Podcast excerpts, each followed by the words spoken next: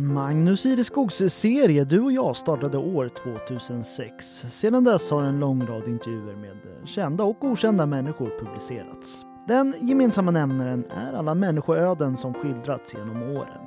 Nu släpps intervjuerna även i poddformat inlästa av Magnus Ireskog själv. Det här avsnittet det handlar om en flykt till Gotland och ett OS-guld i Peking.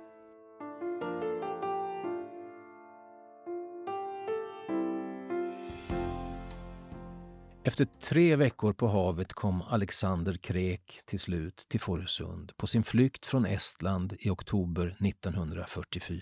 Det här är en berättelse som börjar i lilla staden Liula, går via Gotland och når ända till prispallen vid olympiska spelen i Peking 2008. 17 augusti 2008. Finaldags på roddstadion vid OS i Peking i grenen åtta med styrman, åtta roddare alltså och en coach som håller riktningen, tar Kanadas båt ledningen redan från start och stävar sedan fram i spets bland de sex finallagen. Efter drygt fem minuter av sprutande mjölksyra kliver besättningen mållinjen som etta, en halv båtlängd före silverlaget från Storbritannien. En dröm har gått i uppfyllelse för det sammansvetsande laget där rytm, styrka, uthållighet och timing är viktiga ingredienser för att nå längst och fortast. Vid den efterföljande prisceremonin sjunger besättningen med i nationalsången O Canada så det talas om det än idag. Mest sjunger den då 28-åriga Adam Creek, en av Kanadas mest meriterade inom roddsporten.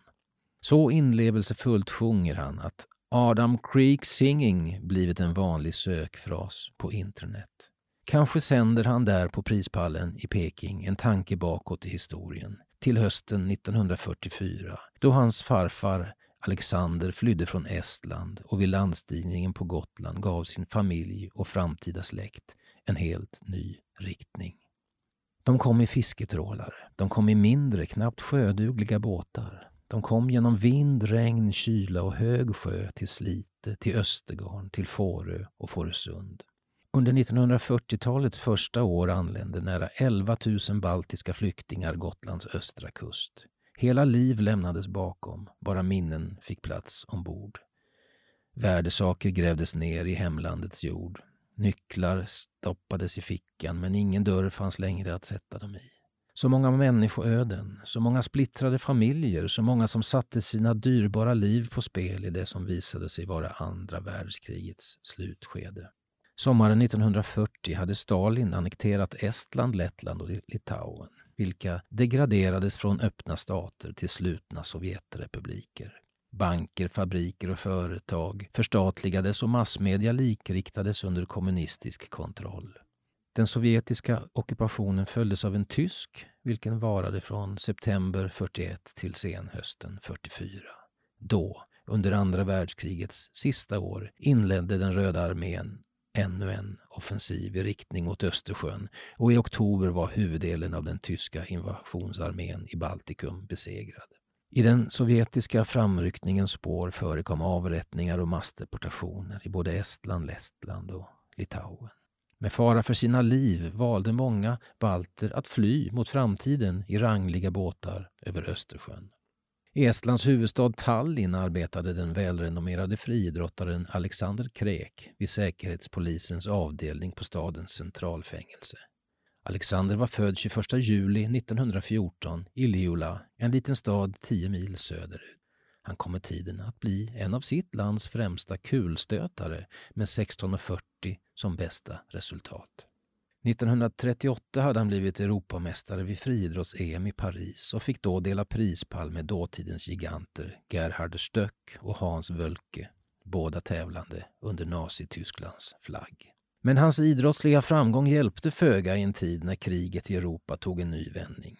Redan 1943 hade de första baltiska flyktingarna nått Gotlands kust, men hösten 44 följde den stora vågen av människor. Alexander var alltså en av dem. Han nådde Fårösunds hamn den 9 eller möjligen 10 oktober just det året, efter en resa som tagit de närmaste tre veckor. Havet var upprört och vågorna var höga och vitskummande. Båten var som en hyvelspån som ibland var uppe på en vågtopp, ibland djupt nere i en dal.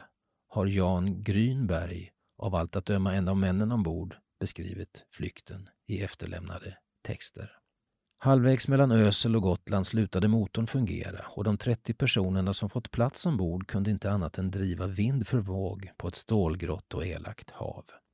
Räddningen blev ett svenskt krigsfartyg som girade upp längs flyktbåtens långsida, satte ut en trappa och lät flyktingarna, våta, trötta och rädda, klättra i säkerhet.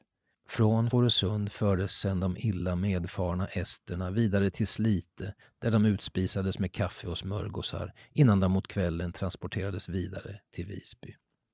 Leif Åbom var en av Gotlands vid tiden främsta friidrottare. På 40-talet blev han vid flera tillfällen distriktsmästare i kulstötning och 41 placerade han sig som trea i svenska juniormästerskapen i samma gren. Leif var en av de unga idrottande öbor som tog hand om storstjärnan Alexander Kräk då denne anlände till Gotland. Detta står berättat i Bengt-Göran Holmers bok Gotland under beredskapsåren 39 45, vilken är en betydande källa till den här berättelsen. Bengt Åbom är son till Leif Åbom som avled 2002, 80 år gammal. När jag ringer Bengt, boende i Martebo, för att höra närmare om denna historia visade det sig att han inte vet något alls om den. Men förmodligen var det verkligen så. Han var väldigt snäll pappa, säger Bengt. Han kan dock lite kuriöst berätta att det ibland alla medaljer hans far lämnat efter sig även finns en sjal tillverkad inför OS i Berlin 36. Ja, pappa var i Tyskland på något idrottsutbyte, bara 14 år gammal. Bland annat skrev han dagbok, vilken jag läser ibland. De hade tittat på någon jugendparad och så fick han den här sjalen med alla nationers flaggor. på. Det var andra tider då, men ändå inte. Idag flyr människor över Medelhavet och från Ukraina och mångtusental lämnar de sin hembygd för att söka friheten någon annanstans. Historien upprepar sig, men på andra hav. Alla som flyr, vad blir det av dem? Ett ögonblicksbeslut som ändrar historien för all framtid. Vad hade hänt om? Ingen vet. Allt vi vet är hur det blev. Det som hände långt bak i historien är förutsättningen för det som är idag. Som Adam Creek, som han uttalar sitt namn nu. Adam Creek i Toronto. Honom du träffade i början av den här berättelsen när han just rott hem OS-guldet i Peking. För så här var det. Många balter kom att stanna på Gotland och bygga en framtid här, men Alexander fördes efter bara någon vecka vidare till en flyktingförläggning i Norrköping. Informationen om vad som sedan hände är ytterst knapp. Men 1951 emigrerade Alexander till Kanada, slog sig ner i staden London sydväst om Toronto och fick tillsammans med hustrun Helmi bland annat sonen Raul Arne.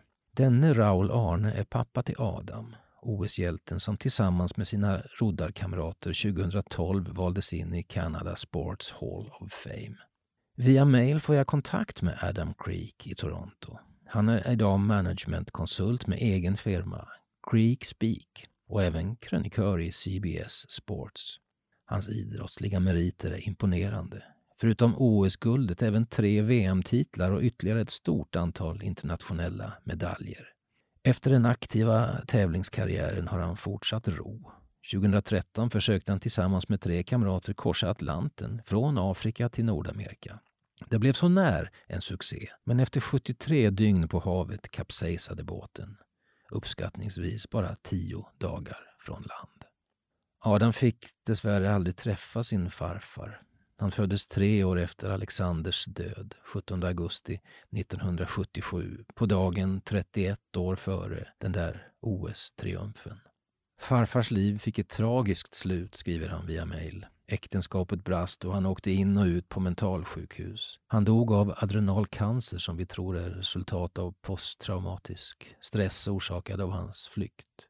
Så mycket om hans tid på Gotland och i Sverige vet han inte utan hänvisar till sin far som däremot inte gick att nå.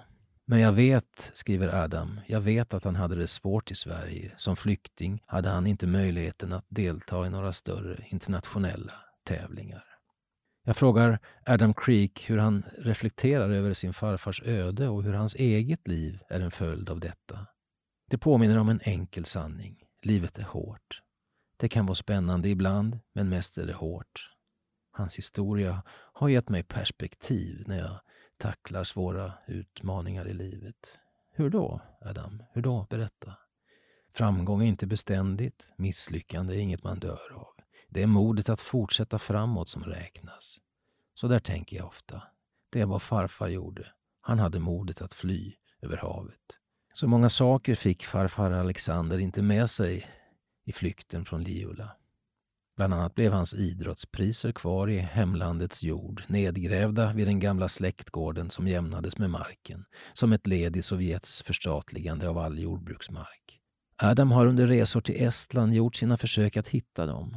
I arkeologiprofessor Mats Burströms bok Minnesgömmor från 2012 säger han att farfars gömda föremål är viktiga för honom.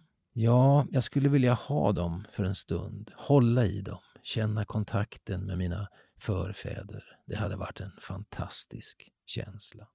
Berättelsen om Alexander, Leif, Raul-Arne och Adam är inte bara historien om familjen Creek eller Krek. Det är samtidigt en berättelse om så många andra, nu som förr. Människor som hakar i varandras liv och får betydelse just för stunden. I vissa fall skapas livslånga band. I andra fall bara ett ibland undflyende, ibland outplånligt minne. Det är vad livet är. Ständigt i rörelse. Aldrig möjligt att ta för givet. Och allt en följd av tidigare tagna steg. Av en ren slump hittade jag ett litet kort stycke om Alexander Kreks flykt i boken Gotland under beredskapsåren 39 45 skriven av Bengt-Göran Holmertz. Jag började söka på nätet och hittade kopplingar från den där oktoberdagen på Gotland 1944 till sonen Adams OS-guld i Peking 64 år senare. En historia, en av många som är kanske lite för bra för att inte berätta. Och det finns förstås fler guldmedaljörer med bakgrund på andra sidan Östersjön. Som Slitesonen Håkan Loob, ishockeyspelaren vars far kom till Sverige genom en liknande flykt. Ja, gillar du också Magnus Ireskogs intervjuserie Du och jag så finner du fler avsnitt på helagotland.se under poddar och program.